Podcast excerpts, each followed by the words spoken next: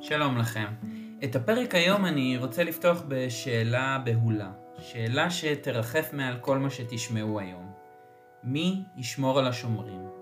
זו שאלה מאוד רלוונטית היום בישראל שלנו, ששומרי הסף שלה מותקפים מדי יום בידי ממשלה מנותקת, שחבריה היו שמחים לגרור את כולנו לדיקטטורה, כדי להנציח את שלטונם לעד כמובן, כך שברור שבמקרה הזה אנחנו נצטרך לשמור עליהם. אבל אם נעזוב את הפוליטיקה לשנייה ונצלול להיסטוריה, אנחנו נגלה שהשאלה מי ישמור על השומרים נשאלה לראשונה ברומא העתיקה, בסאטירות של המשורר הרומי יובנאליס. ההקשר שם הוא אכיפת מוסר על נשים.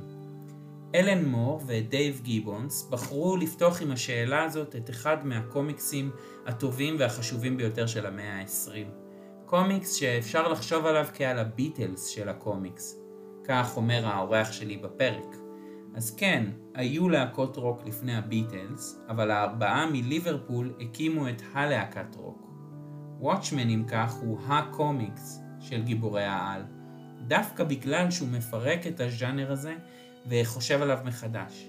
השומרים שעל שמם נקראת היצירה הם חבורה משונה ביותר.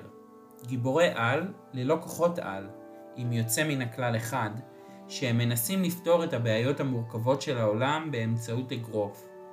עכשיו, בקומיקסים המסורתיים, הטריק הזה אולי עובד, אבל כשגיבורי העל מוצנחים לתוך סביבה ריאליסטית, סביבה של מבוגרים במרכאות, הפתרון הזה מתגלה במערומיו. עשו את זה לפני וואטשמן, משמע לקחו את גיבורי העל והוציאו אותם מהסביבה הפנטסטית שלהם בקומיקסים קודמים. אבל לא ככה. לא בצורה שבה כל האלמנטים מתחברים ליצירה ספרותית ואומנותית סוחפת ועשירה כל כך, עם הרגשה של עולם.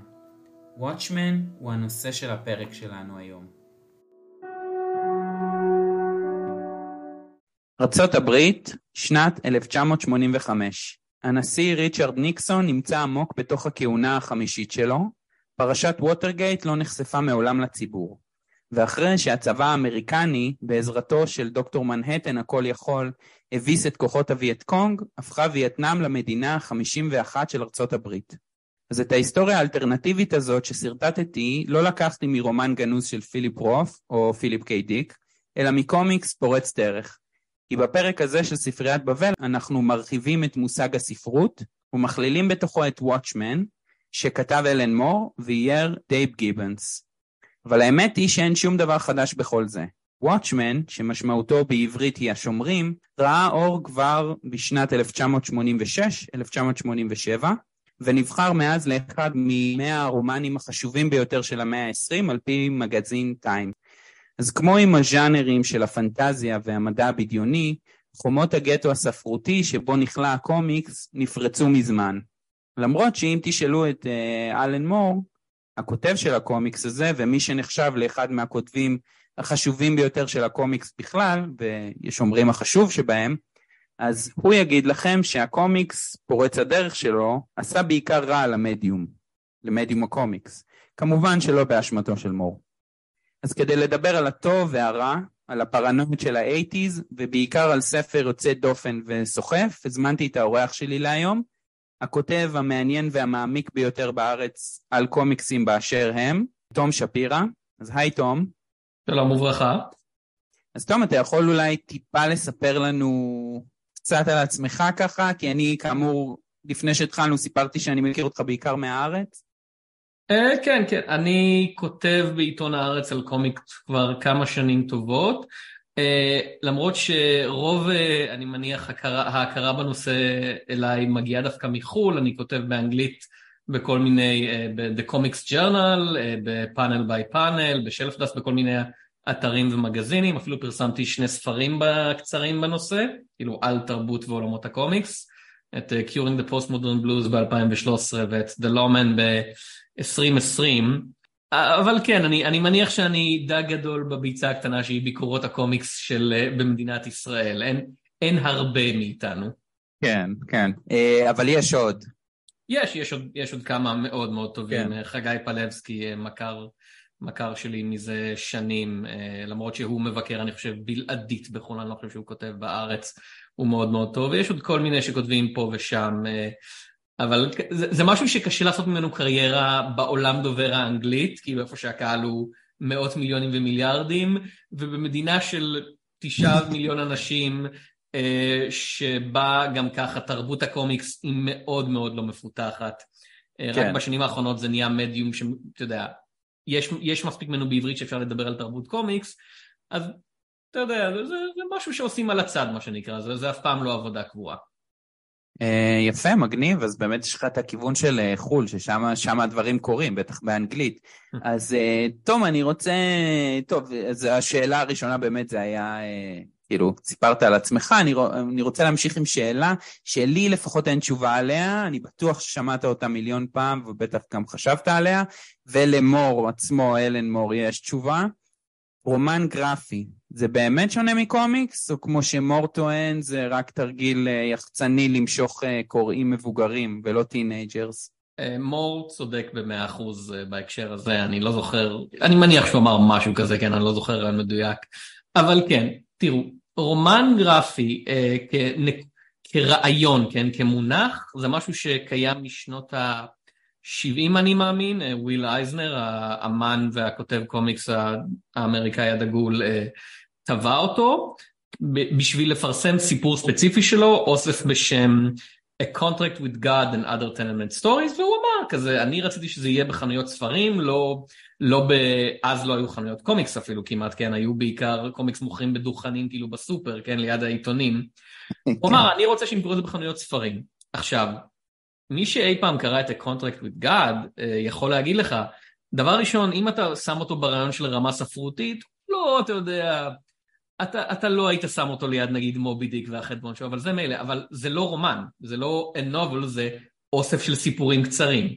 ואחלה סיפורים קצרים, לפחות מבחינה גרפית, אבל זה אוסף של סיפורים קצרים, ומשם התחיל השקר, הרעיון הזה של יש משהו ברור שהוא רומן גרפי, כי זה לא רומן, זה אוסף סיפורים, ויש לך את וואטשמן, שאת, כמו שהזכרת בפתיח, זכה אה, ברשימת הטיים של 100 הרומנים הכי גדולים של ה... 120, ווואטשמן אין לו אפילו את הרעיון הזה של הוא פורסם במקור כספר, וואטשמן פורסם, כמו מרבית הקומיקסים אה, בזמנו, בשנות ה-80, 12 חוברות שפורסמו חודש אחר חודש ואוגדו לספר. אתה יודע, אם הוא רומן גרפי, אז אוסף של ארבעה סיפורי אקסמן, אה, אקראיים שנכרכים ביחד, הם גם רומן גרפי. הרעיון שאפשר לעשות מזה איזושהי הצהרה אומנותית שיש הבדל ברור שכזה רומן גרפי גבוה, קומיקס נמוך, לחלוטין מגוחך, כן? קראתי רומנים גרפיים, אני מתכוון דברים שנוצרו במקור בתור רומן ונכתבו בברורים ש... אם אתה יודע, אשליות ספרותיות של גדולה שהם איומים ונוראים, באמת, כן. קצת התביישתי, וקראתי מצד שני קומיקסים שאתה יודע, הופיעו באיזה גיליון נידח מלוכלך שנשכח במאחור של איזה ארון של מישהו במשך 20 שנה, שהם בעיניי יצירות מופת. רומן גרפי זה טריק מכירות, וטריק מכירות נהדר. בשנת 2023, בארץ אולי, אבל בארצות הברית כבר לא צריך אותו, כן? כולם קוראים קומיקס, כאילו כל מי שרוצה. כן, כן, uh, למרות שאם אתה באמת הזכרת נגיד uh, לכרוך uh, שלושה ארבעה סיפורים של אקס-מן, זה לא מה שקורה בוואטשמן, זאת אומרת מראש אלן מור יוצא עם איזה רעיון שאני לוקח סט של דמויות, שהוא המציא אותם ביחד עם, ה... עם המאייר, אבל בעיקר הוא נגיד, ואני מספר עליהם סיפור, ואחרי זה אני לא רוצה שיהיה המשכיות לסיפור הזה, uh, למרות שיש המשכיות, כי uh, אה, DC לקחו, ו... וגם כתבת על זה, הם, uh, כן, זה, זה פשוט uh, פרת כסף, כן, איך אומרים באנגלית, כן.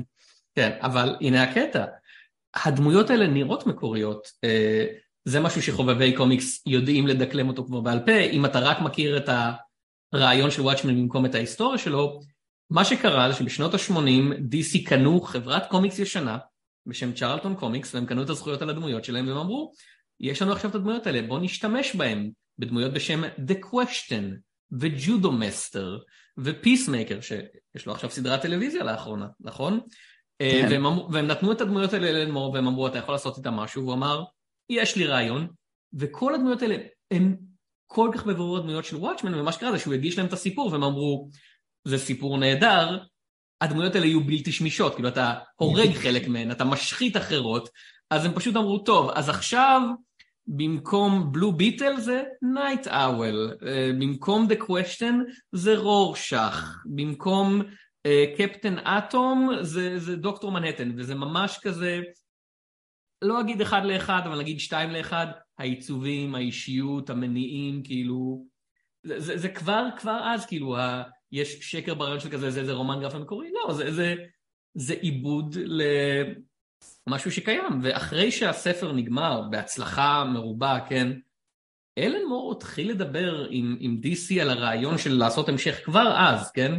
הוא לא היה לחלוטין נגד זה, רק אחרי שבאופן מפורסם mm. uh, DC התחילו להשתמש בכל מיני תכסיסים uh, משפטיים uh, להתעסק עם הזכויות שלו. Uh, אני יכול להיכנס לזה או שאתה מתכנן להמשיך? כן, בוודאי. Uh, זה אחד הסיפורים הכי מוכרים במאבק על זכויות יוצרים בארצות הברית. Uh, אלן מור ודייב גיבנס, ואני לא זוכר גם הצבא, uh, ג'ון היגנס, uh, אני, מניח שלא, חתמו על חוזה שאומר ככה, DC מפרסמים את הקומיקס, DC מקבלים כך וכך אחוזים, אנחנו מקבלים כך וכך אחוזים, ואחרי שהקומיקס יוצא מדפוס, out of print, הזכויות חוזרות אלינו. והם חתמו את זה כי, הש... כי זה שנות ה-80, ומרבית הקומיקסים לא נאספים ונכרכים ונשמרים מדפוס. הם נעלמים. אה, ומה שקרה זה ש-DC אמרו, אה, ah, רגע, זה קומיקס מאוד מצליח, בוא נכרוך אותו ונשמור אותו בדפוס, והוא מאז לא יצא בדפוס מעולם, הוא כנראה גם לא יצא מדפוס, הזכויות לא יחזרו לאלן מור, וזה מה שנקרא כשר אבל מסריח. והיה עוד כל מיני דברים קטנים של כזה, אלן מור ודייב גיבונס חתמו על חוזה שאומר שמגיע להם אחוז מ merchandising, כן? ממוצרים נלווים, ואז הוא הולך לאיזה כנס והוא רואה כפתורים אה, לחולצה של וואטשמן, והוא אומר, רגע, למה אף אחד לא דיווח לי על זה? אני לא מקבל מזה אגורה. הם אמרו, לא, לא, לא, לא, לא, זה promotional items. כן. זה לא טכנית merchandise, וזה השלב שבו אלן מור אה, נהיה מאוד מאוד עצבני, ולעשות סיפור ארוך קצר, עזב את DC, עזב באופן כמעט לחלוטין את מה שנקרא המיינסטרים של הקומיקס האמריקאי, את מארוול ואת DC ואת גיבורי העל שלהם, ואמר אל תדברו איתי יותר. זה, זה השלב שבו הוא נהיה מריר, כי ברעיונות הוא מדבר רק ב... כן, מילים לא, לא פשוטות ולא קלות, וגם, אה, כן, אה, על התעשייה הזאת, האמריקאית בכלל. כאילו, שמע, אני קראתי הרבה רעיונות עם אלן מור, אני חושב שהוא טיפוס מריר כשמכריחים אותו לדבר על הדברים שהוא שונא, כאילו אם, אם מדבר, אתה יודע, אם יושבים איתו בראיון ומדברים איתו על בוא נדבר על היצירה החדשה שלך, בוא כן. נדבר כן. על הספר הזה שקראת, כי הוא בן אדם מאוד ספרותי והוא קורא כל הזמן, בוא נדבר על קולנוע קלאסי, זה דברים שהוא אוהב לדבר עליהם, ואתה קורא רעיונות כאלה. כן, אתה קורא רעיונות כאלה איתו והוא נשמע נורא כזה שמח ומאוזן ומאושר, אבל אז כן. אנשים שואלים אותו כזה, אז מה דעתך על סדרת הטלוויזיה של וואטשמן? והוא מתעצבן, כי זה, אתה, אתה לוקח את הדוב, ואני לא אומר את זה רק כי אלן מור הוא בן אדם מאוד מאוד צעיר, ואתה דוקר אותו עם מקל, ואז אתה מתפלא, למה הדוב הזה כל הזמן כועס? כן, אתה יודע, זה מזכיר לי את... אה, אה, נו, הסופר... אה, פינצ'ון? לא, נו. סלינג'ר? לא, הסופר ההודי, אמריקאי, עם הפתווה.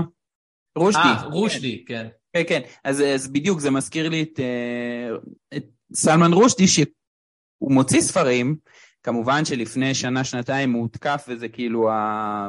זה באמת חזר כל הסיפור עם אה, פסוקי השטן, אבל הוא 20-30 שנה הוא הוציא ספרים אחרים, ועדיין בכל ראיון איתו, גם הרעיונות שיגידו לך אנחנו לא נשאל על זה, מתחילים בשאלה על זה, והוא כאילו, הוא גם אמר באיזשהו שלב, זה פשוט משעמם אותי לדבר על העשר שנים האלה שהייתי במסתור וזה. אז כן, אז להחזיר את וואטשמן, אבל זה כאילו נראה לי מתבקש, כי זה גם היצירה אולי המוכרת ביותר של אלן מור, אולי החשובה ביותר, ובאמת, אולי כדאי שפשוט נצלול אליה, בעצם אנחנו מדברים על רומן גרפי או קומיקס, לא, נגיד קומיקס, שבתוך, אה, בעצם לוקחים את גיבורי העל, המוכרים לנו, זאת אומרת, יוצרים דמויות חדשות, כן. כן, הארכיטיפים האלה, יש לנו דמות שהיא מזכירה את באטמן, אה, דמות שמזכירה את סופרמן, או, או ככה בקווים נורא כלליים, ושמים אותם, כמו שאלן מור אומר, בתוך uh, סביבה ריאליסטית בעולם של מבוגרים, ומה יוצא לנו מזה? הם uh, די מגוחכים, מוזרים, סוטים, משוגעים. כן, אה, כאילו, אני מניח שאם תשאל את מה ששאל, אם היית שואל את אלן מור את השאלה אז, הוא היה עונה לך תשובה אחרת. היום הוא יגיד, או הוא אמר כמה פעמים, שהוא רצה לחשוף את השורשים הפשיסטיים הלא כל כך סמויים בכל הרעיון של גיבור, על שיש לך בן אדם אחד שנמצא מחוץ לחוק, והוא יקבע לבדו אה, מה טוב או מה רע מתוך איזו סמכות מוסרית אבסולוטית, כן? כן. כי, שמע, אני לא, אפשר בהחלט להגיד שגיבורי על זה רעיון פשיסטי, אבל אתה יודע, זה משהו שהולך הרבה יותר עמוק לכל השורשים של ארה"ב, של, אתה יודע, הם לא הגיעו משום מקום, הם נוב... גיבורי העל נובעים מגיבורי הפלפ הספרותיים של שנות ה-30, שהם מצדם נובעים מכל הגיבורים הקאובויים של, אתה יודע, של המאה ה-19, של כבר אז הייתה ספרות פופולרית שאומרת, חוק שמוק, מה שאנחנו צריכים זה בן אדם אחד עם רובה ואקדח, שיצא לערבה ויעשה צדק בכל מי שמפריע לנו. ואיך אנחנו יודעים שהוא יהיה צודק? כי הוא הגיבור. הוא הגיבור ולכן הוא צודק. אה, יש מבקרת קומיקס שאני מאוד אוהב בשם אה, טיגן אוניל מארצות הברית, שהיא כתבה שורה גאונית שאני מצטט שוב ושוב. אה, אתה מודע לקיום הדמות המעניש, The Punisher, שהופיע בכמה סרטים כן. וסדרות טלוויזיה? ומשחקי מחשב, כן. כן, בחור עם רובים גדולים שיורה בפושעים, כן? הארי המזוהם, פינת ספיידרמן. נוקם במאפיה על פגיעה במשפחה שלו וכולי. בדיוק. כן. והיא כתבה, משפט נהדר שכזה, המעניש הוא חלום יותר גדול מסופרמן. כי, זה, כי מדובר על בן אדם שיכול להיכנס לחדר, לרסס בנשק אוטומטי במשך רבע שעה, ולעולם לא לפגוע בבן אדם חף מפשע. כאילו, הכדורים שלו יודעים מי חף מפשע, כן? וזה אשליה יותר גדולה מהרעיון שבן אדם יכול לעוף ולראות קרני לייזר מהעיניים. כי אנחנו רואים, כי אנחנו, אחרי הכל בעולם האמיתי, רואים שוב ושוב איך שוטרים, אתה יודע, מאומנים וזה, בארצות הברית, נכנסים לאיזשהו בניין ויורים בחשוד ופוגעים באיזה מסכן עשר אה, דלתות ליד, כן, שאף לא כדור דרך החלון.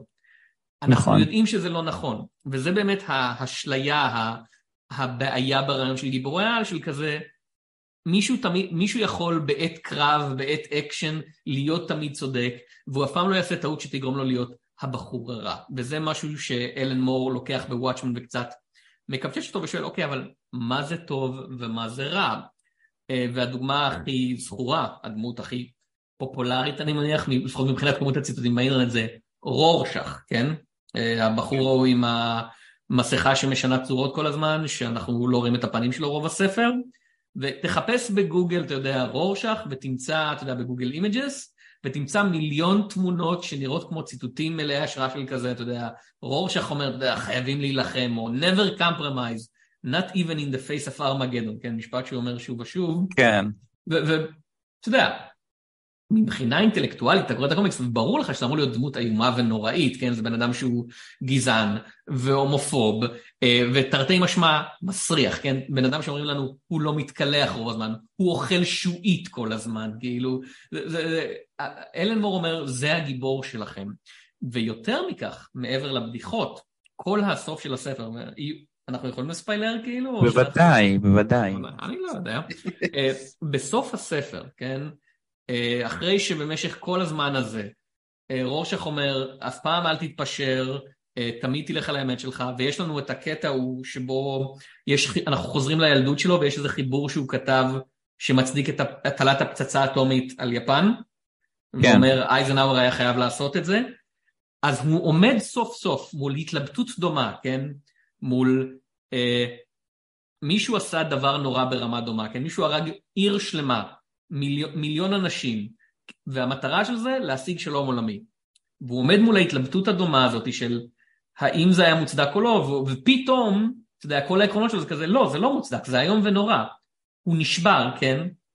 הוא אומר, אני חייב, אתה יודע, אני חייב לחשוף את האמת, אבל מצד שני, כשמנסים להרוג אותו על זה, כשאומרים, לא, אנחנו לא רוצים לך להגיד את האמת, הוא אומר כן תעשו את זה, כי הוא מבין שהוא באיזשהו מלכוד 22 מוסרי שלא יכול לצאת ממנו, הוא בעד הרעיון של מותר לך להיות כמה שיותר אלים כדי להשיג שלום, את הטוב היותר הכי טוב לכולם, ומצד שני אתה לא יכול אף פעם להתפשר על העקרונות שלך, הוא מבין את ה...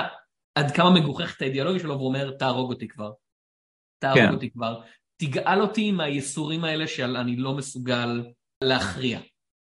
כן, וזה באמת דמות אה, במובנים רבים, כמובן שיש אה, פרקים או... כן, יש פרקים שלא מדברים עליו ישירות, אבל הוא הדמות הראשונה שאנחנו רואים, אה, והוא סוג של המספר של הסיפור הזה, לא בדיוק, או לפחות לפרקים, אה, והוא כל הזמן מסתובב עם איזה משאלת מוות. וכמו שאמרנו, הוא, הוא איזה סוג של סמל של באטמן החוקר הזה, הוויג'לנטי, למרות שמור, ו... וככה רמזנו על זה, או... וגם אמרת את זה, זה לא שהוא מוריד את המסכה ומתגלה לנו ברוס וויין המיליארדר, דווקא מתגלה לנו איזה משוגע שהולך עם שלט אה, כל הספר, וממש רואים אותו ב... ב... בעמוד הראשון, אנחנו עדיין לא יודעים שזה הוא, העולם עומד לה... אה, להסתיים, וכן, אז, אז בעצם מה שמור עושה פה נראה לי, זה, ו- ואתה תגיד אם אה, בתור מומחה ההיסטוריה של הקומיקס, האם הוא הראשון שעושה את זה או לא, um, הוא בעצם נותן לנו איזה סוג של פרשנות פוליטית, פסיכולוגית, מינית, על uh, גיבורי העל האלה, וכמו שאמרנו, הם לא יוצאים uh, בדיוק טוב, כי, כי, כי אם נחשוב על זה בצורה ריאליסטית, האם אדם ששם תחפושת בעולם שלנו ויוצא להילחם בפשע הוא כנראה אדם עם אה, בעיות כלשהן. Uh, כן, תראה, מור לא היה הראשון. Uh, מור וגיבונס, חשוב לציין, אף פעם לא לשכוח את גיבונס. Uh, הם לא היו הראשונים. אתה יכול להצביע על כל מיני דברים לפני זה. מור בעצמו כתב סדרה בשם מיריקל מן, כשהוא היה בבריטניה, שעוסקת בתמות מאוד דומות, שנים לפני. סקוודרון סופרים של מארק גרונוולד, שהיה פחות סבוך פסיכולוגית, אבל היה גם כזה, אוקיי, אם גיבורי על רוצים באמת להציל את העולם, זה אומר להציל אותו מידי, אתה יודע, עצמו, כן, מהפוליטיקאים שכל הזמן מכניסים אותנו למלחמות וכאלה, אז מה, מה יקרה להם בעולם האמיתי? אה, ואתה יודע, הרעיון הזה של אה, מה, המיני, מה המיניות של גיבורי על זה משהו שנמצא שם בסאבטקסט מאז ההתחלה, כן? זה, זה כמו, אה, אני מנסה לחשוב על השוואה דומה, זה כמו שהביטלס, הביטלס הם לא להקת הרוק הראשונה, לא בשום צורה שהיא, אבל כשאתה שואל, אוקיי, מהי הלהקת רוק, כן? אתה יודע, מה הדוגמה? זה כן. הביטלס, כן? אז וואטשמן מרגיש קצת כמו הביטלס של הקומיקס, קצת, זה לא השוואה שאני יכול לעשות 100%, וכן בקטע של, כמו שאמרת, ההשפעה שלו היא בלתי ניתנת לכימות, אה, במשך שנים אחר כך כולם ניסו להיות, לא כולם, הרבה אנשים ניסו להיות תואמי וואטשמן, אה, עד היום יש תואמי וואטשמן, ויש תת קטגוריה שלמה של קומיקסים שאתה יכול להצביע עליהם ולהגיד זה תגובה לוואטשמן, כן? זה קומיקסים שקיימים או כדי להגיד בוא נהיה כמו וואטשמן, או כדי להגיד לא לא לא לא לא וואטשמן זה איום ונורא, אני מנסה לנטרל את ההשפעה של וואטשמן, אבל כמובן בעצם העובדה שאתה מנסה לנטרל את ההשפעה שלו, אתה בעצם מכיר בה, זה, זה כמו שאתה לא יכול כן. להיות סטניסט בלי להיות קצת נוצרי כאילו. כי אתה בעצם אומר, אני, אני מקבל את התיאולוגיה שלכם, כן? אל, אתה יודע, אני, אני, אני תומך בשטן. טוב, אז זה אומר שאתה מאמין שאלוהים קיים כנראה. כן, אתה, אתה, אתה תומך מתוך שלילה, וזה, mm-hmm. האם זה המיינסטרים של הקומיקס? כי, כי יש הרבה קומיקסים uh, אחרים לחלוטין שלא מתעסקים עם גיבורי העל בכלל, אבל היית אומר שהזרם המרכזי, כאילו, כש, כשאדם חושב על קומיקס, אז זה גיבורי העל, לא? אה, אוקיי. זה, זה עוד משהו של הקונטקסט השתנה כל כך. בשנות ה-80, כשמור וגיבונס הציעו את זה, אכן, כשאמרת קומיקס חשבת גיבורי על, ו- ו- וזה נמשך ככה שנות ה-90 ושנות ה-2000. אני חושב שאם תשאל היום, זה משהו שקיים בגלל הסרטים, כי אנשים מכירים את הדומיננטיות התרבותית של הסרטים של מארוול ו-DC, אבל בקומיקס עצמם, אתה מסתכל מה הקומיקסים הכי נמכרים והכי מדוברים, זה לא גיבורי על, תשאל ילד בארץ מה הקומיקסים שהוא קורא, והתשובה היא, חיוך של ריינה טלגמייר, הספרים של איש הכלב, קפטן תחתונים, יומנו של חנון אם אתה רוצה לספור את זה. וגם בארצות הברית, אלה קומיקסים שנמכרים במאות מיליוני עותקים, וחוברת ממוצעת של בטמן תמכור פחות מ-100 אלף אה, כן. חודש. זה, אז, אז שוב, מו פעל בקונטקסט תרבותי שבו באמת גיבורי על, לפחות בספירה שבה הוא כתב, היו הכוח הדומיננטי. אה, וזה הופך את וואטשמן הולם להיום בגלל שגיבורי על הם כוח דומיננטי דווקא מחוץ לקומיקס, כן? כי כולנו טובעים בזה. אה, אחת הטענות ששמעתי כלפי הסרט של וואטשמן שיצא ב-2009, שזה סרט שאני לא אוהב, אבל בסדר, אפשר לדבר עליו, הוא יצא מוקדם מדי. הוא יצא כשגיבורי על עוד היו כזה, אה כן, זה משהו שאנחנו מכירים, וזה מאוד מצליח, אבל זה לא, אתה יודע, הדבר הכי גדול בעולם. וכמה כן. שנים אחרי זה פתאום כל סרט של מארוול מרוויח מיליארד דולר, ואתה כזה, טוב, זהו, ולכל מקום שאתה מסתכל אתה רואה אותם בפרסומות, בסדרות טלוויזיה, בצעצועים, הם בכל מקום. אז אם הוא היה יוצא עכשיו, אולי הוא היה קצת יותר מתחבר לצייטגייסט. אז אה, אני, אני חושב שאחת הסיבות שמור אמר שהוא מתנצל על הפגיעה שהוא עשה, כן, על, על הנזק של וואטשמן, זה שהוא אמר, לקחתי משהו מטופש שמאוד כיף לילדים וניסיתי להפוך אותו לבוגר ורציני וכל מה שגרמתי לכך זה לגרום לעוד אנשים לחשוב שהוא בוגר ורציני וקומיקסים שפעם היו מאוד מבדרים לילדים עכשיו בעיקר משמשים אליבא דלן מור לאנשים בני 40 שממשיכים לקרוא את הדבר הזה שהם קראו לפני 30 שנה ועצבניים כי זה לא באמת משקף את הבגרות כאילו זה לא באמת יצירה למבוגרים יש לך עדיין בחור בספנדקס שפותר בעיות פשע על ידי אגרוף אבל זה לא באמת לילדים גם, כן? כי זה אלים מדי, ואתה יודע, אתה, יש הרבה קומיקסים של בטמן שיוצאים היום, שאני כזה, אני אקרא אותם בשמחה, לא הייתי נותן אותם לאחיין שלי, כי הוא חותך אנשים והוא שובר עצמות, ואני כזה, אני לא חושב שאתה בוגר מספיק כדי להתמודד עם זה. זה, זה... וואטשמן יצא, הוא לא וואטשמן לבד, כן? אלן מור נותן לעצמו יותר מדי קרדיט, אנחנו נותנים לו יותר מדי קרדיט, אבל יצר מין כזה עולם מוזר שבו זה... לא זה ולא זה. לא, לא, לא, לא מספיק תמים בשביל הילדים, ולא באמת, אתה יודע, רומן גרפי במובן של פול אוסטר כותב רומן, כן? אתה לא תשים עשר חוברות של בטמן כרוכות בספר לי, ליד העותק שלך, של האחרון של אני לא יודע, הארוקי מורקמי. אני מקווה שלא. כן, אתה הזכרת את הספר, את הסרט של... זק סניידר 2009, וואטשמן, אני חושב שאני דווקא די מחבב את הסרט הזה, הוא לא, לא, לא הסרט הגדול ביותר שיצא, זה בטוח, אמ, אבל מה שאני חושב שזה לא כל כך היה משנה האם הוא היה יוצא אז או עכשיו, כי הוא לא באמת מבקר גיבורי על, וזה הרבה ביקורת שיש על הסרט הזה, אמ, זאת אומרת, הוא לוקח את ה... מה שאלן מור עושה ודייב גיבנס, וכאילו הוא מפשיט את הגיבורי העל ומראה לנו את המציאות, או את הגיחוך שבהם, ושם בסרט הם דווקא נורא מגניבים, יש מלא מלא סלואו מושן, הרבה יותר סצנות קרב מאשר בקומיקס, אמ, ו- וגם נראה שיש להם כוחות על, למרות שכביכול אין להם כוחות כן. על. כן, הם נורא חזקים. זה, זה משהו מוזר שדייב גיבונס, אה, ב... אנחנו צריכים לדבר על גיבונס יותר, אנחנו מדברים רק על אלן מור וזה מאוד, זה קצת yeah. חורה לי בתור חובב קומיקס. אה, דייב גיבונס, אה, שהוא היה ותיק יותר ממור, אני חושב שזה התחיל, לפחות היה שם מוכר יותר בתעשייה, הוא היה מאייר אה, superstar בצד הבריטי, כן, שניהם בריטים, אבל אלן מור היה יחסית מתחיל ודייב גיבונס אז היה כבר אחד האמנים הכי גדולים של דורו לפני שהספר יצא. אה, ומה שהוא עושה בוואטשמן הקומיקס, אה, זה כמו שאמרת, הוא מקרקע את זה באופן מושלם. אה, הבנתי שהוא עשה הרבה הדפסות אה, אה, וגילופים של דברים כדי שיהיה לו מפה תלת-מימדית ממש של הקומיקס, כדי שהוא יוכל, כשהוא מצייר, להבין באמת כאילו איך כל דמות נראית מכל זווית, וזה משהו שהוא ממש מדוקדק לפרטים שלו, כן? הוא לא אמן של המון המון קווים, זה לא מישהו שיש בציור שלו אלף ואחד פרטים, אבל כל פרט שקיים בציור של דייב גיבונס ב Watchmen, הוא מדוקדק לחלוטין, והוא מרגיש ריאליסטי באופן כואב, ואתה רואה את גיבורי העל האלה שאנחנו רגילים לראות, אתה יודע, בתור דמויות מוגזמות, אידיאליסטיות, עם שרירים מנופחים כאלה, וסיקס פק אבס מושלמים, ואצלו לגיבור, אתה יודע, יש, יש קצת קרס, אה, ורורשך הוא קצת כזה טיפוס די נמוך, שלובש, אתה יודע, אה, פלטפורמות בנעליים כדי להיראות טיפה יותר גבוה ומאיים, כי ככה הגוף האנושי עובד, וכאמור, סצנות הקרב מרגישות הרבה הרבה יותר ריאליסטיות בקומיקס המצויר מאשר בסרט המצולם. אה, אחד הדברים שזה אה, אומרים על וואטשמן, אתה יודע, כל פעם שאתה קורא אותו אתה מגלה משהו חדש, קראתי את זה כבר איזה תריסר פעמים, לא, בשלב מסוים אתה שם לב, אה, קווי התנועה האלה, שזה חלק כל כך קבוע במילון של הקומיקס של איך להראות תנועה, אתה מראה, אתה יודע, אז קומיקס זה תמונות סטטיות, אז מה שאתה עושה, אתה מראה זרוע נעצרת במקום, אבל אתה שם קווים מלמעלה למטה להראות, אה, הזרוע הזאת בדיוק זזה עכשיו. הם לא מופיעים שם.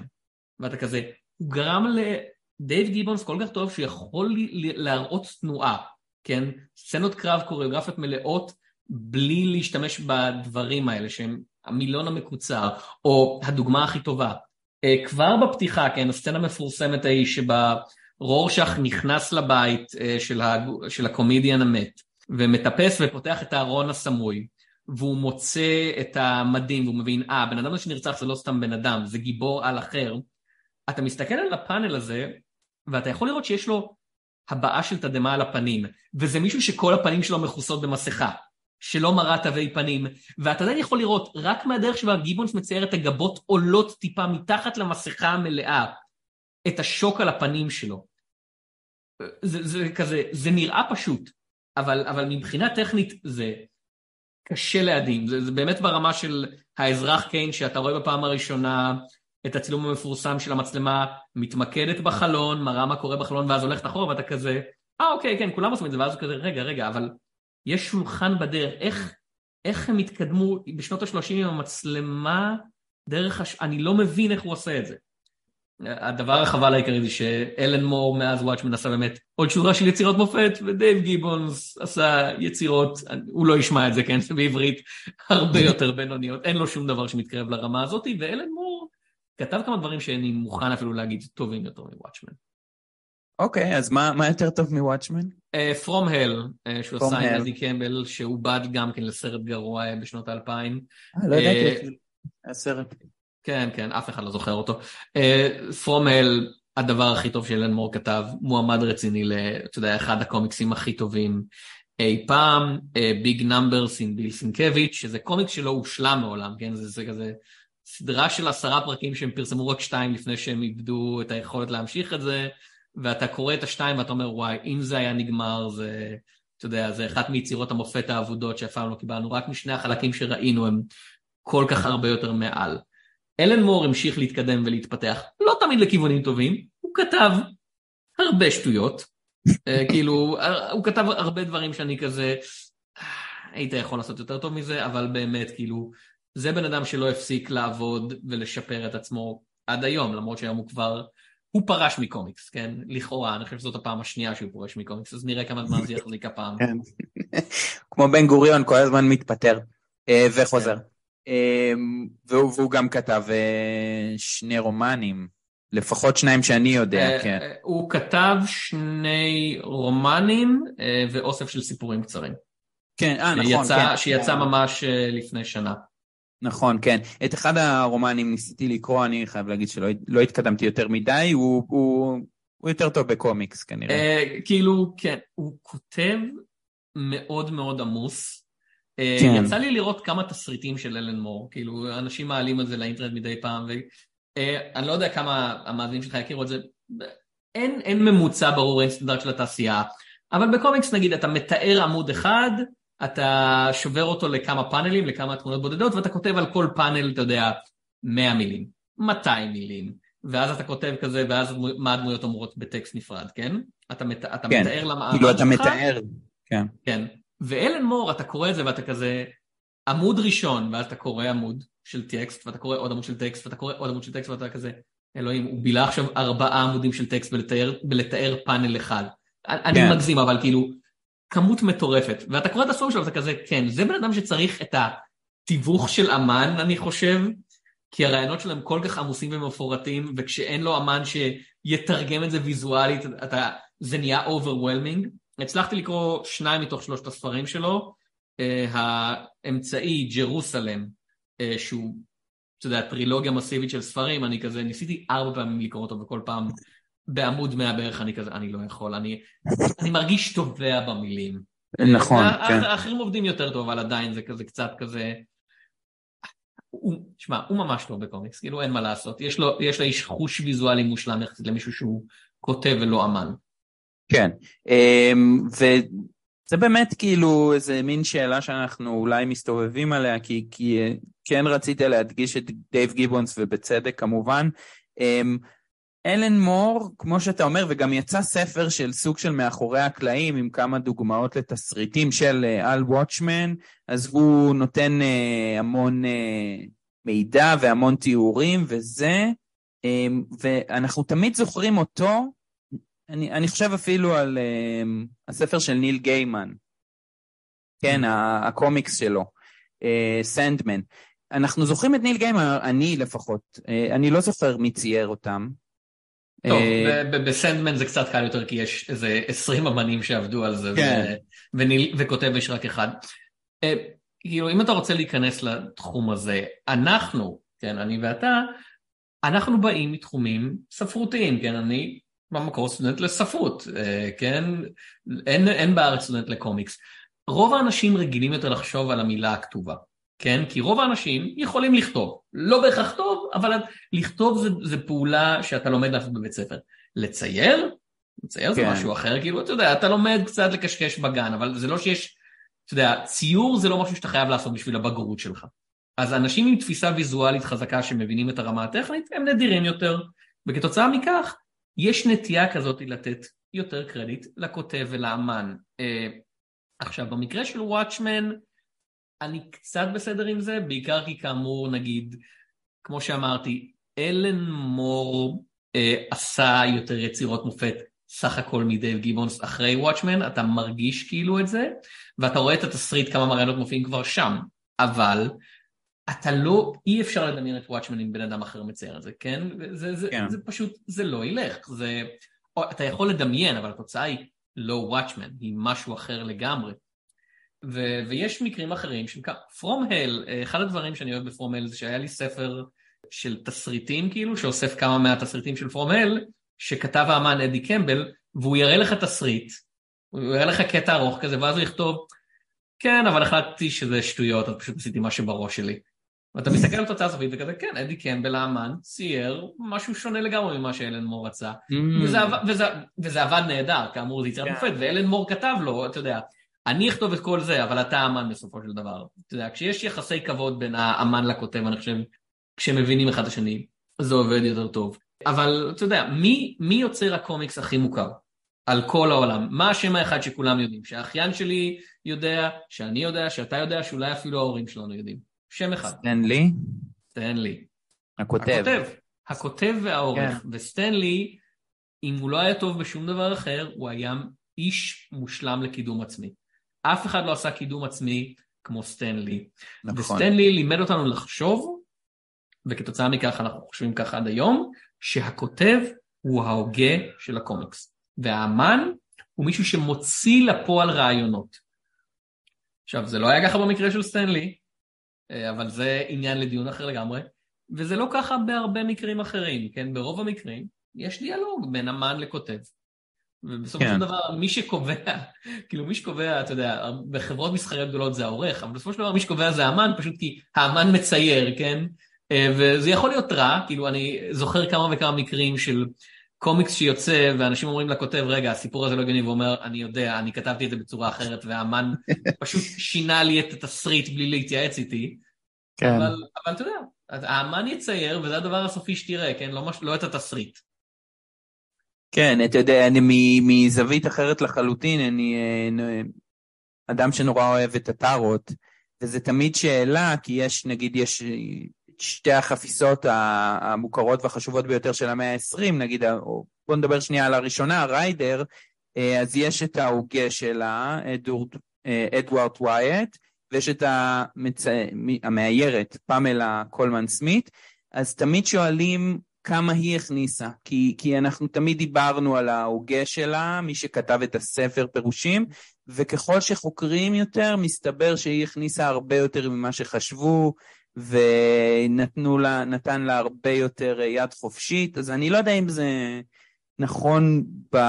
טוב, אתה אומר נגיד From Hell זה כן נכון, אני לא יודע עד כמה זה נכון עם אלן מור ודייב גיבנס, אבל אני כן זוכר uh, מקומות שהוא כותב לו בתסריט, אתה יכול לצייר את זה ככה או ככה, או באיזושהי דרך שאתה חושב שזה ייראה, ואתה תעשה, ו- וכאמור, דייב גיבנס צייר גדול, ולמה הוא לא יצר uh, יצירות מופת uh, אחרות? כי הכותבים היו פחות טובים? אני חושב שזה הרבה כזה, תשמע, אתה עובד עם אלן מור ואז אתה עובד עם אנשים שהם לא אלן מור וזה כן. ברור. היה לו, היה לו כמה דברים לפני שאני מאוד אהבתי uh, בתקופה הבריטית שלו.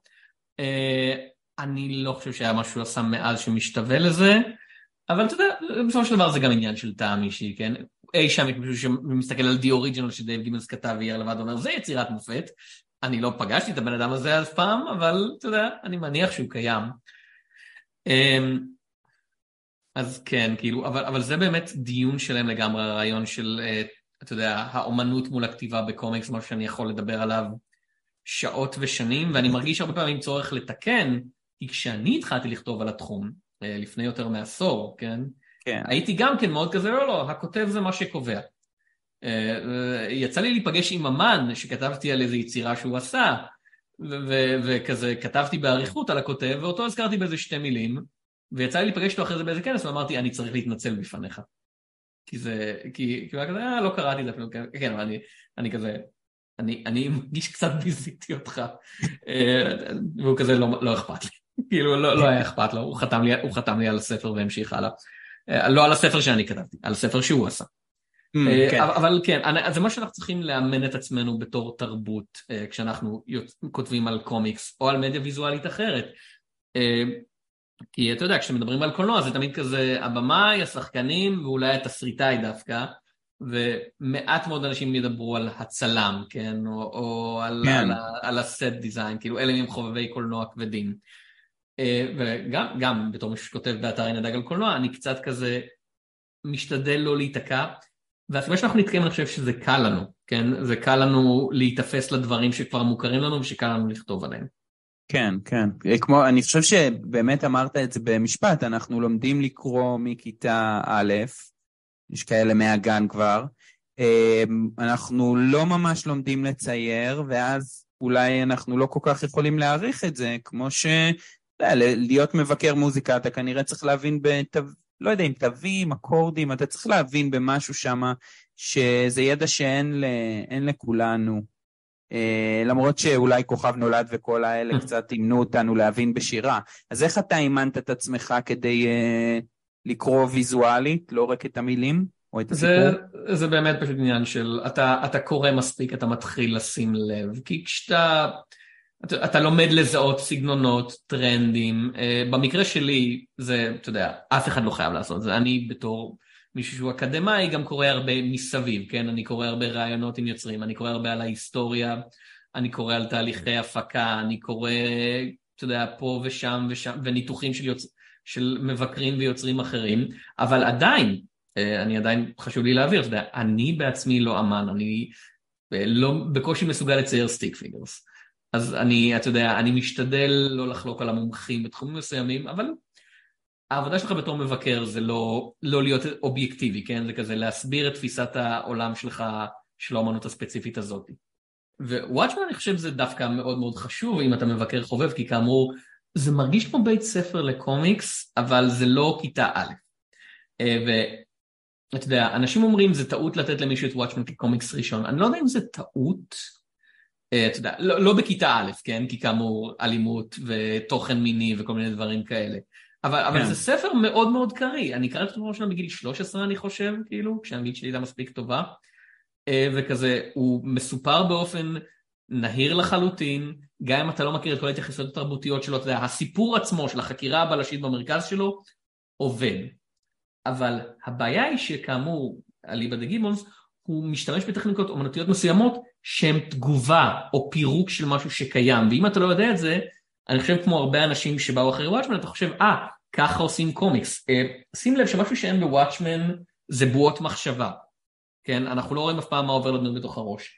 אין כמעט uh, מה שנקרא caption boxes, שזה תיבות טקסט שבהם המספר, אתה יודע, גוף שלישי. כן, כן, כן, זה הכל, uh, אנחנו רואים את הדמויות מדברות, והיחיד שיש לו מחשבות זה רורשך דרך היומן, וגם אז זה כזה משהו שמוצג כקטעים מהיומן שלו, זה משהו שפיזית קיים בתוך העולם הזה.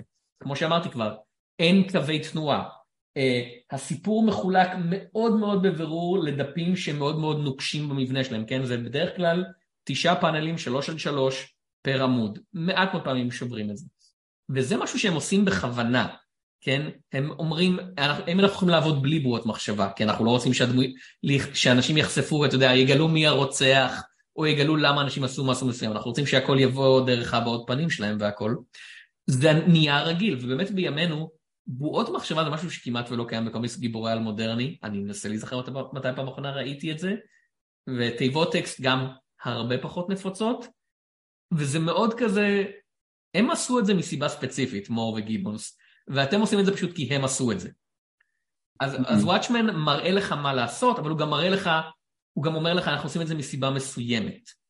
ועל, ומה שלנמו אומר זה, הטעות של אנשים היה שהם פשוט אמרו, אה, וואטשמן הצליח בגלל א', ב', ג', הוא הצליח כי הוא היה אלים, הוא הצליח כי הוא היה אפל, הוא הצליח כי הוא היה, אה, אתה יודע, כי לא היה בורת מחשבה, ואני כזה, לא. ואלן מור אומר, לא, וואטשמן הצליח כי עבדנו ממש קשה ליצור קומיקס טוב.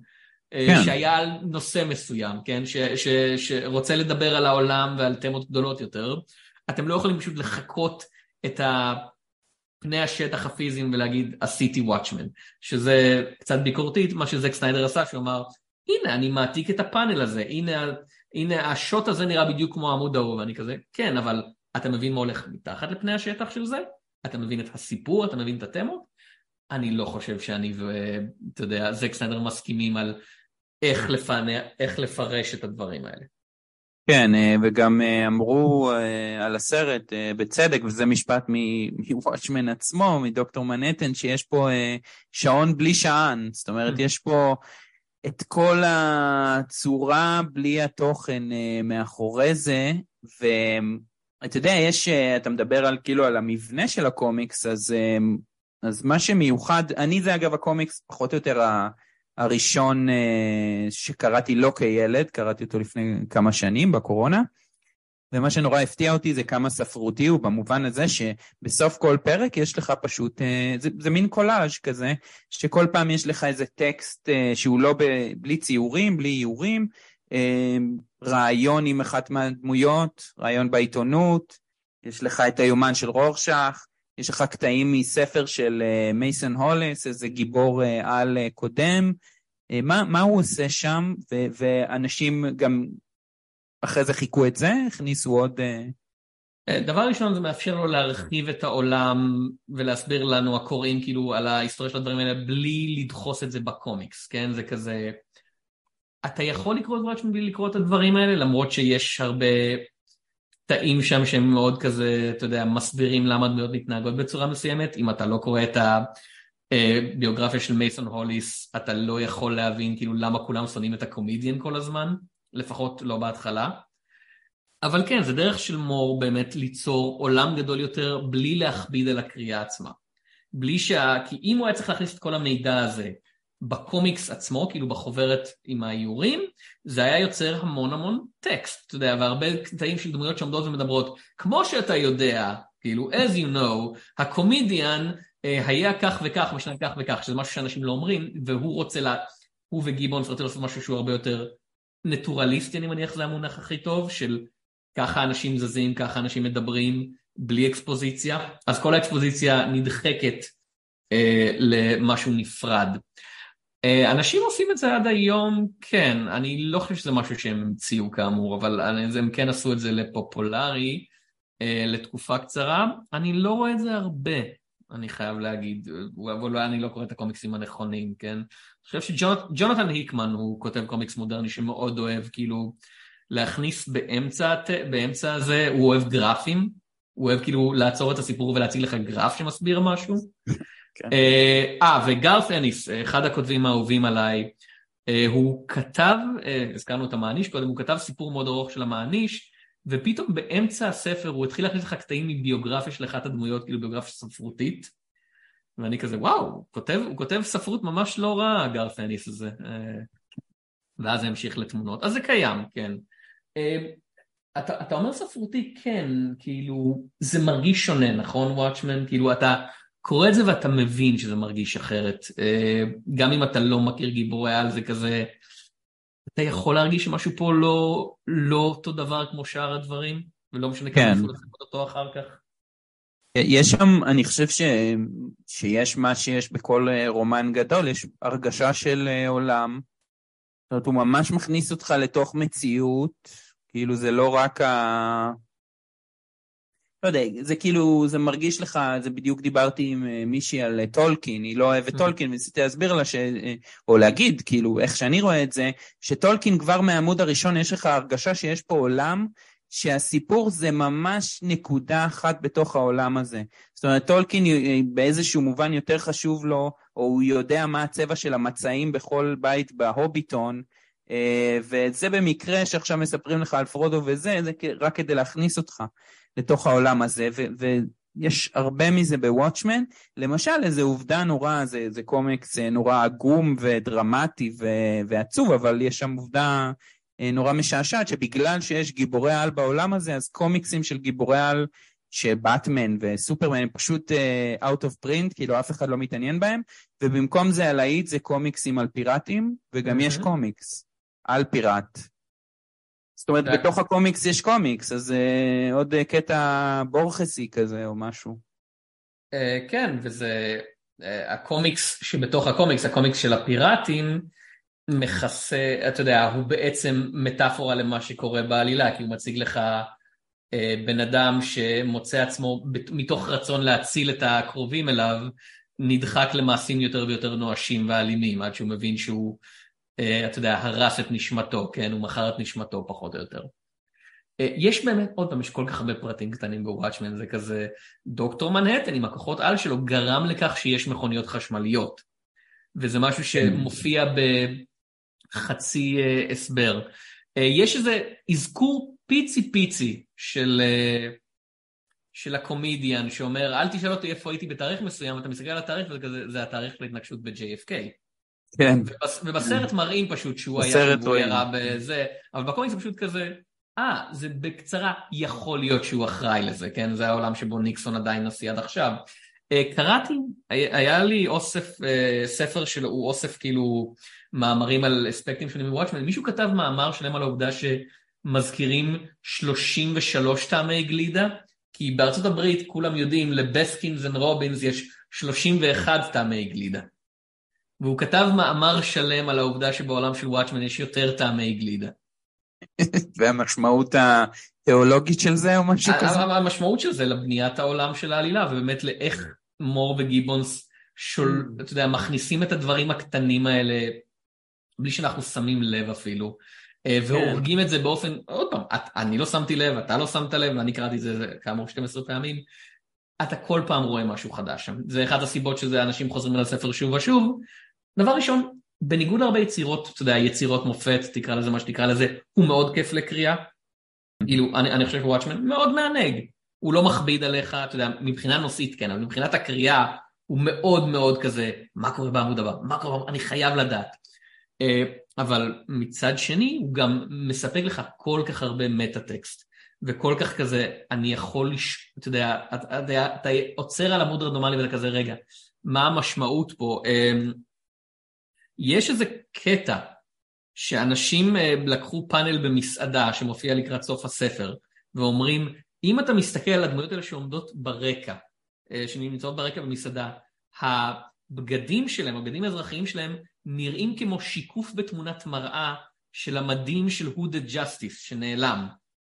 שאף אחד לא יודע כן. מה קרה לו, ואנשים אומרים, לאורך הסיפור יש רמיזות שהוא היה הומוסקסואל, ואז אתה רואה מישהו שנראה כמוהו יושב עם גבר אחר ברקע, ואנשים שאלו את דייב גיבונס, התכוונת לזה? כאילו, זה איזה רמז, הוא אמר, לא, אבל זה בהחלט יכול להיות שזה משהו שפשוט צץ לי אוטומטית, כי ציירתי כל כך הרבה את הדמויות האלה, שהכנסתי אותם לרקע בלי, ואתה כזה, הוא לא יודע, כן? הוא יצר את העולם הזה, והוא לא יודע את, את, עד כמה הוא עמוק, כן? כן, זה, זה, זה כמעט מוביל אותי לדיבור ש...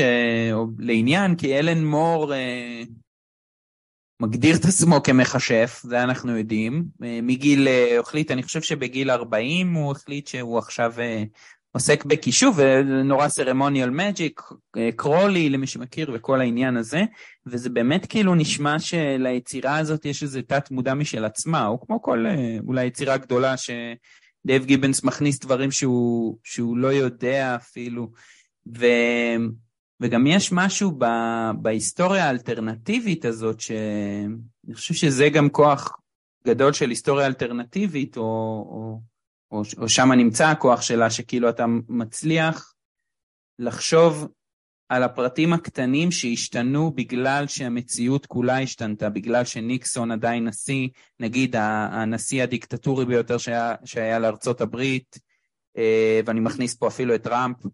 ההיסטוריה שונה, כמו שאמרנו, וייטנאם היא מדינה 51 בארצות הברית, שזה בסדרה אה, של וואטשמן אה, אנחנו יותר רואים.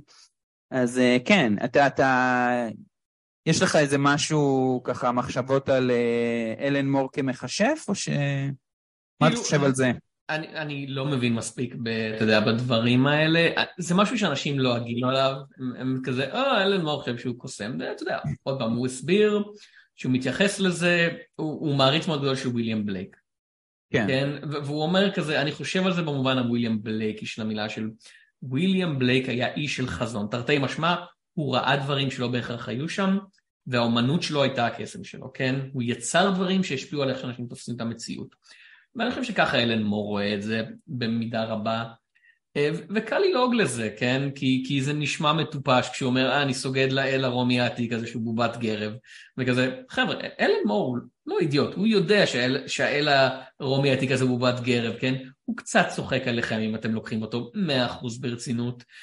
אבל הוא כן מאמין גדול בכוח של יצירה, כן? והוא אומר, כן. היצירה היא מעשה קישוט. יש סרט יהודי לא רע עליו שיצא לפני, אוף, אני חושב שזה כבר יותר מעשור, בשם The Mindscape of Ellen Moore, והוא אמר, אה, אתה יודע, מכשף לכאורה יכול להטיל קללה. ואז הוא אמר, תחשבו על מישהו שלפני אלף שנה אה, דנטה אלג'ירי כתב עליו, אתה בגיהנום. אם דנטה אלג'ירי לא היה כותב עליו, לא היינו זוכרים את הבן אדם הזה עד היום, אבל עכשיו, אלף שנים אחרי התופת של דנטה, אנחנו יודעים על הבן אדם הזה כי דנטה שנא אותו, ומבחינתו, מבחינתנו כזה, אה, זה האיש הרע הזה, כי דנטה כתב עליו שהוא איש הרע, וזו העדות היחידה שהוא קיים. אז אתה יודע, אלן מור אומר, אם סופר טוב רוצה לדון אותך לגיהנום, הוא ידון אותך לגיהנום. אל, אלף שנים אחר כך, כן?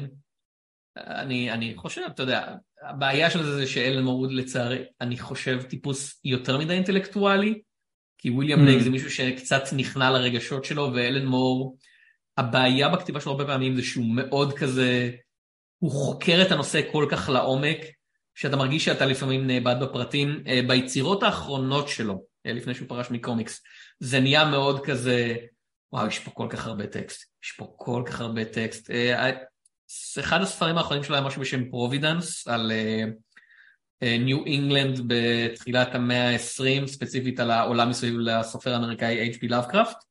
כן. ובסוף כל ספר, בסוף כל חוברת, היה לך איזה שישה שבעה עמודים של טקסט טהור, שמנסים להסביר ולהרחיב דברים, וזהו שכל גיליון אתה פותח אותו, יש שם כל כך הרבה דיאלוגים ומונולוגים, ואנשים מדברים כל הזמן, ואני נהניתי לקרוא את זה, כי אני מעריץ של אלן מור ואני מחבב לאבקראפט מספיק, אבל זה הרגיש מתיש. ו- וזה כזה, כן.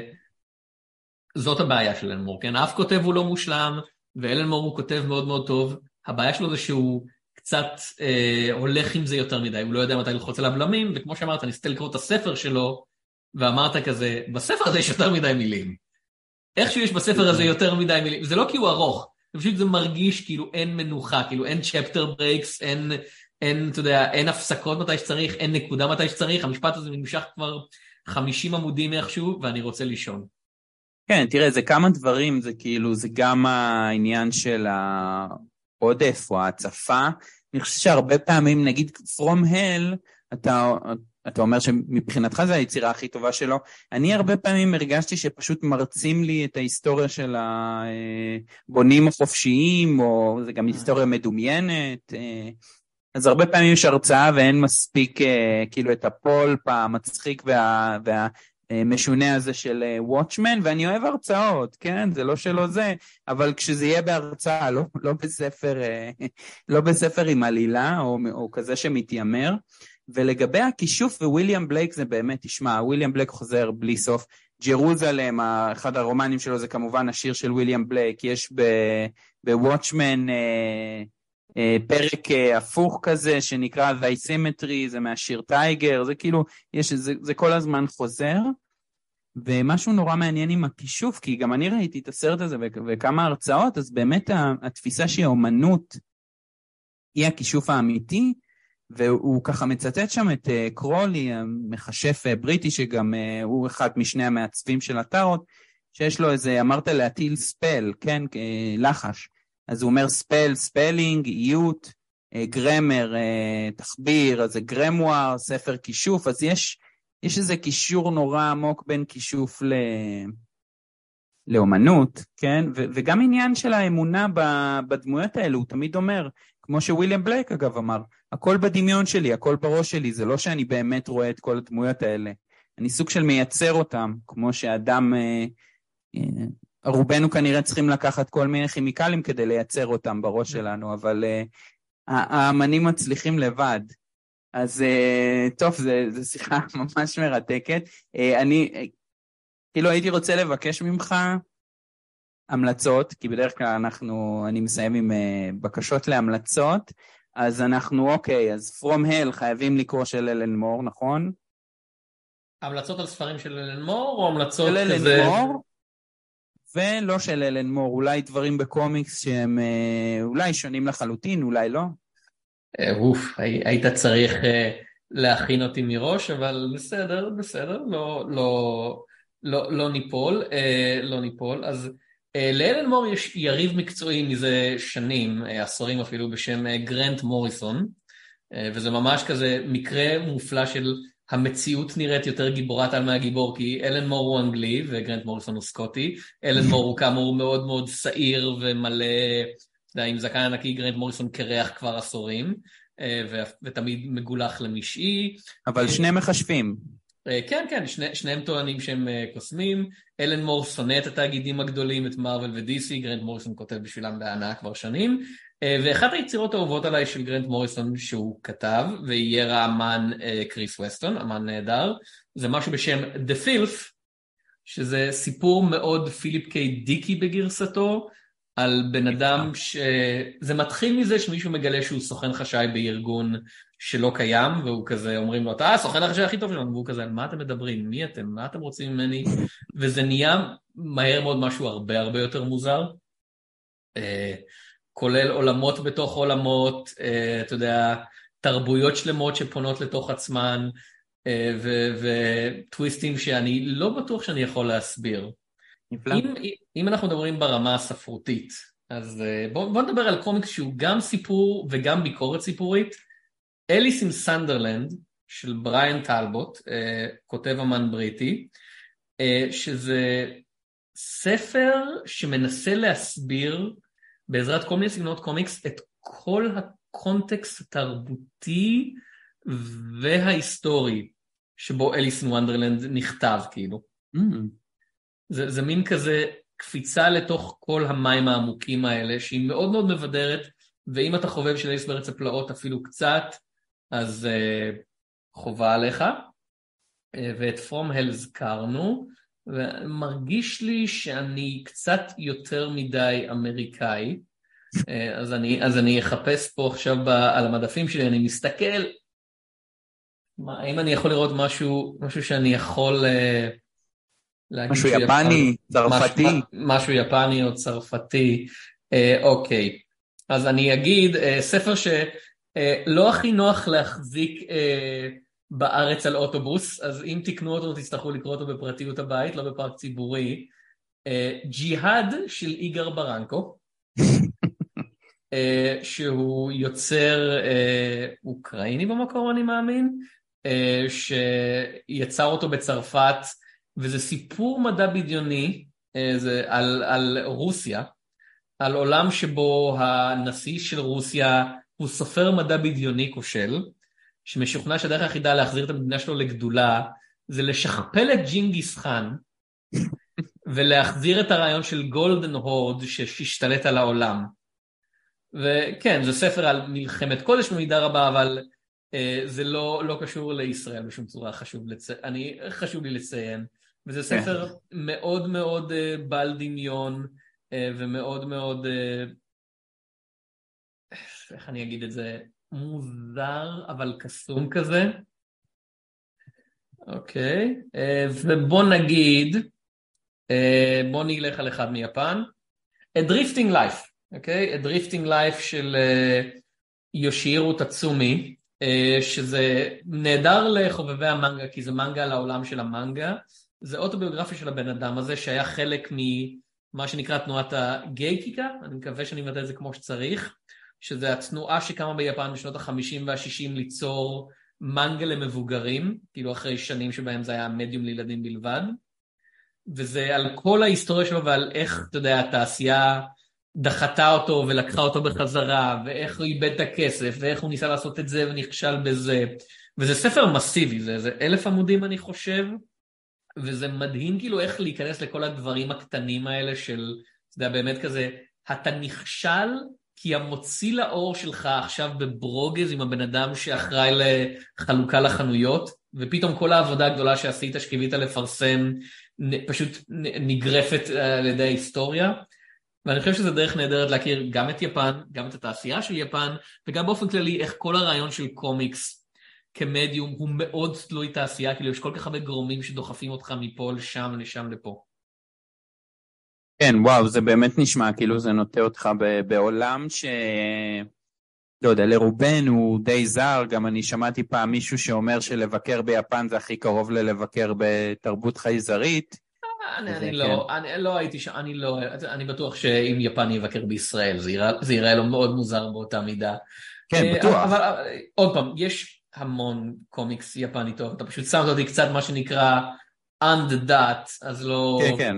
לא, לא הייתי בטוח אה, מה להגיד, כי אני מבין יותר בקומיקס, ההתמחות שלי זה בקומיקס בריטי, ואז קומיקס אמריקאי, ואז שלישי יפני, ואז קצת מתחת לזה כל הצרפתים, הבלגים והגרמנים למיניהם, אני מבין בזה הכי פחות. אה, יודע מה, בוא נזרוק עכשיו עוד כמה שמות. הנה, פתחתי את דף הגודריד שלי, ואני מסתכל על הקומיקסים שסימנתי כהכי גבוהים. אה, יאללה, לכתוב.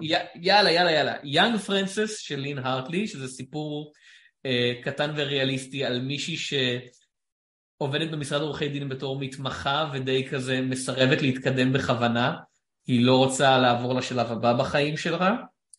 Uh, When I Arrived at the Castle של אמילי קארל, שזה סיפור אימה אירוטי מרהיב, uh, שפשוט כל עמוד בו אתה מסתכל ואתה אומר אין לי מושג איך היא עושה את זה, כאילו באמת, מה, מה קורה פה, איך, איך את מציירת דברים כאלה, היכולת שלה להעביר גופים בתנועה וגופים בטרגדיה היא לא פחות מדהימה, אה, היא כנראה יוצ... אחד מחמשת יוצרי הקומיקס הכי טובים של העשור האחרון. Uh, The Fourth World של ג'ק קירבי, נלך על משהו קלאסי, uh, שזה מטה סדרה שאוספת כל מיני סיפורים שג'ק קירבי כתב, שעוסקת בביקור של אלים חייזריים בכדור הארץ, וזה סדרה שיש לה הרבה עליות ומורדות, אבל בעליות שלה זה אתה יודע, בקטעים הכי טובים שלה זה אחד הדברים הכי מרהיבים וחזיונות קוסמיים שאי פעם קראת, וקירבי אני חושב הרבה יותר קרוב לוויליאם בלייק מאשר אלן מור, כי לא אין את המעצור האינטלקטואלי הזה. כאילו הוא mm. באמת כותב ומאייר ישר מהלב, כאילו הסיפור עליו זה שהוא יושב לארוחה עם מישהו, והוא אומר יש לי איזשהו רעיון, ועד סוף הארוחה הוא כבר חשב במלואו על כאילו איך הקומיקס ייראה, והוא כבר התחיל לצייר אותו על איזה מפית או משהו. Wow. A Map for the Sun של אה, סלון אה, ליאון, שזה קומיקס אה, על התבגרות וכדורסל, קומיקס ספורט מקסים, ושוב, מאויר יפהפה, יש לה גישה ייחודית לצבעים. ובואו נסיים עם עוד אחד אירופאי, It was the war of the trenches של ז'אק טרדי, מגדולי האמנים הצרפתיים של ה-60 שנים האחרונות, אם לא יותר. אה, זה קומיקס על מלחמת העולם הראשונה, וזה אחד הדברים הכי מזוויעים סלאש מרהיבים שתוכל לקרוא. כן, אז אה, יש לי שתי שאלות לסיום, סתם אחת מעניין uh, פרטי, אבל אולי הכל פה עניין פרטי. אינקל של יודורובסקי ומואביוס, מה אתה חושב?